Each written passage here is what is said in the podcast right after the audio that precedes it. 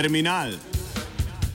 Vedno različni, nikoli isti, reš kolumnisti, isti, isti, isti, isti, isti, isti. Mineva sto let od najusodnejših dogodkov v ruski revoluciji. Obletnična znanost cveti. Založniške hiše se z novimi knjigami o velikem zgodovinskem preobratu borijo za pozornost na trgu. Pri tem se nadnacionalni izdajateljski mastodonti prav nič ne razlikujejo od zakotnih promotorjev malomeščanskega socializma.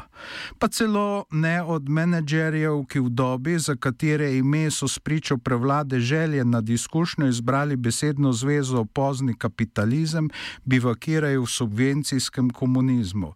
Vsi uporabljajo enake promocijske prijeme in poskušajo ne samo pokriti stroške, temveč se prikopati tudi do denarnega dobička. Zavest pa še nadalje ždi sklonjena nad knjigovodskimi izkazi. Prav tako se vrstijo bolj ali manj poudarjeno večdisciplinarni posveti in simpoziji. Eni ne skrivajo svoje zvestobe revolucionarnemu retrosti, silo ter pozornost usmerjajo samo k rdečemu oktobru. Slednji naj bi bil celo srednji dogodkovni vozel 20. stoletja. Za argumentacijo takšnega stališča je uporabna tudi hudo sporna ideja v evropski zgodovini v obdobju 1914-1945 kot o nadnacionalni državljanski vojni.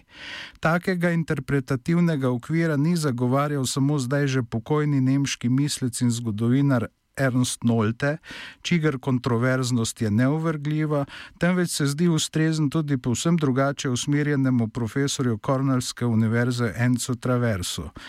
Ideje, ki naj bi bile nosilke in emblemi Evropske državljanske vojne so bile na sceni že v času Cvajgovske zlate dobe varnosti. Če je niso krepile, je tudi uničevale niso.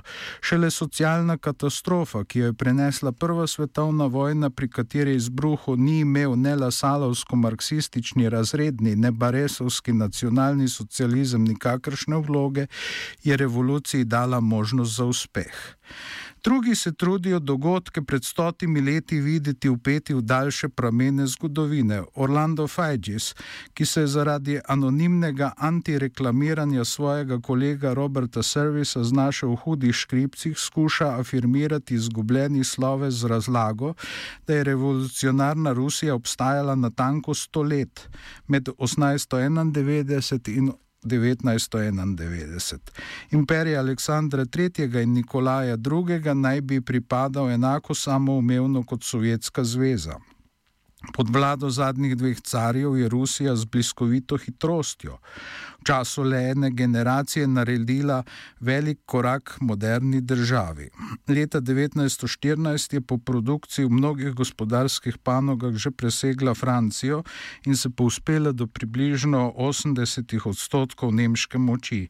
A zgolj sektorska uspešnost procesa modernizacije naj bi ustvarjala tla, na katerih je bila revolucija najverjetnejša, če že nekar neizogibna posledica poprejšnjega dogajanja. Raziskovalci, ki ne čutijo potrebe po vzbujanju pozornosti s krajnimi interpretacijami in reprezentacijami stvarnosti, najdevajo druge letnice kot kronološke zamejevalke vseobsežnega prevrata v največji deželi sveta. Nekateri, kakor oksfordski profesor Stephen, Stephen Anthony Smith, pa so celo, si celo drznejo misliti, da prevrat v Rusiji ni bil največji tovrstni dogodek v zgodovini 20. stoletja. V srednjo revolucijo Hobsbaumovske epohe skrajnosti je po njegovi sodbi izvršila Kitajska, ki se je iz obskurnosti v času boksarske vstaje po pičlih štirih generacijah znašla v položaju gospodarsko najhitrejše rastoče velike sile. Njena stabilnost kljub izjemni dinamiki v zadnjih dveh desetletjih presega katerokoli enako dolgo obdobje ruske zgodovine od nastopa carja osvoboditelja Aleksandra II., ki je marca 1861 še pred Lincolnovo odpravo suženstva na tleh Severnoameriške republike ukinil tlačanstvo v svoji deželi. Tudi razjasnevanje posameznih epizod ruske revolucije je močno napredovalo. Sam McMacken, ki je skrbno, eh, je skrbno gojeno legendo o zaplombiranem vlaku že do dobro očistil apokrifnih štukatur. Bolševiki, ki so potovali iz Švice prek Nemčije in Švedske v Rusijo, niso bili preveč natančni pri eksteritorijalnosti. Na vlak so se ukrcali v Velhelminskem rajhu, v Gotmadingenu, ne v svobodoljubni deželi Viljama Tela. Prav tako jim ni bilo nerodno prenočevati v marzo.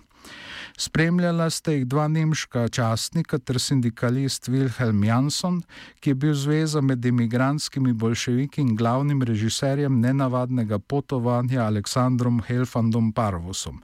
Slednji ni bil le nemški plutokrat, temveč tudi internacionalni revolucionar. Ob koncu leta 1905, v času, ko se je imperatorju Nikolaju II. prvič zatresel prestol, je bil celo eden najpomembnejših voditeljev Peterburške Nemškega sovjeta.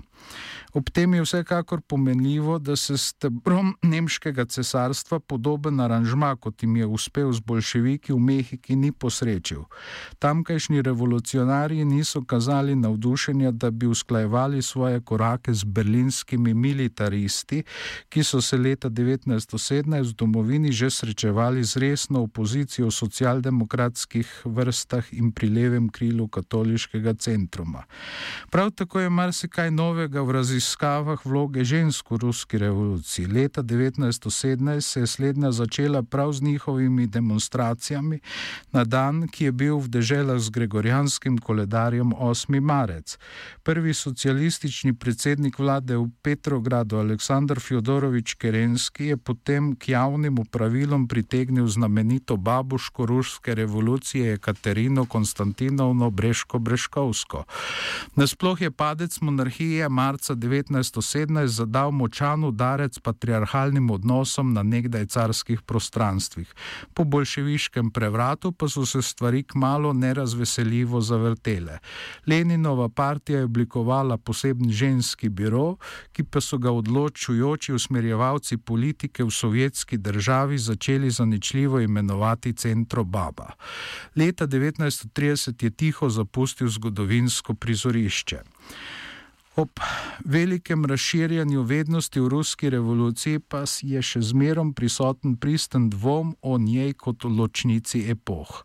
Intelektualni voditelj nemške socialdemokracije Karl Kautski je bolševikom poleti 1919, potem ko so ti po odkritem priznanju Leva Trotskega organizirali državljansko vojno, tako so pač lahko hitreje definirali vse mogoče sovražnike in jih tudi kar najbolj radikalno uničevali ali očita usodne koncesije birokraciji, militarizmu in celo kapitalizmu, medtem ko so šteli popuščanje demokraciji za smrtno nevarno. Za bolševiško partijsko državo, ki ni prenesla kritike ne iz vrst zagovornikov parlamentarizma, ne iz krogov nemarksističnih socialistov in anarhistov, je seveda res bilo.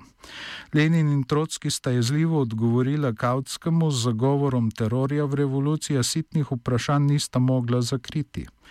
Nasilje in zatiranje je pač na začetku začetkov to, kar socialisti učitajo redu funkcionirajočega in kaosu nedelujočega kapitalizma.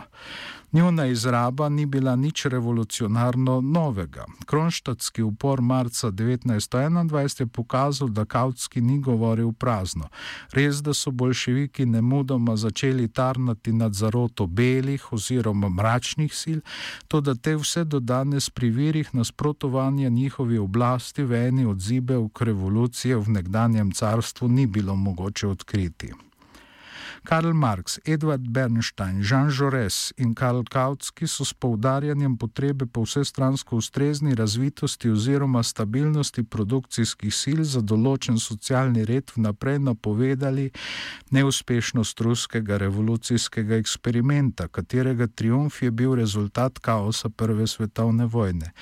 Ljudje, ki se toliko in toliko let pozneje mučijo z njegovo oživitvijo, pozabljajo, da se od drugače mislečih ločujejo samo po tradiciji, na katero prisegajo. Izročilo pa imajo na svojih praporih konservativisti, ne revolucionarji.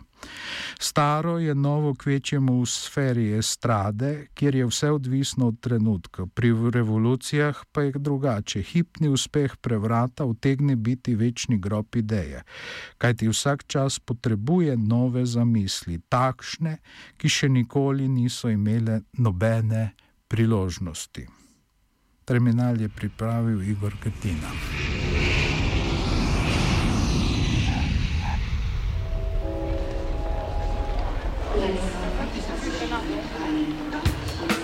Terminal.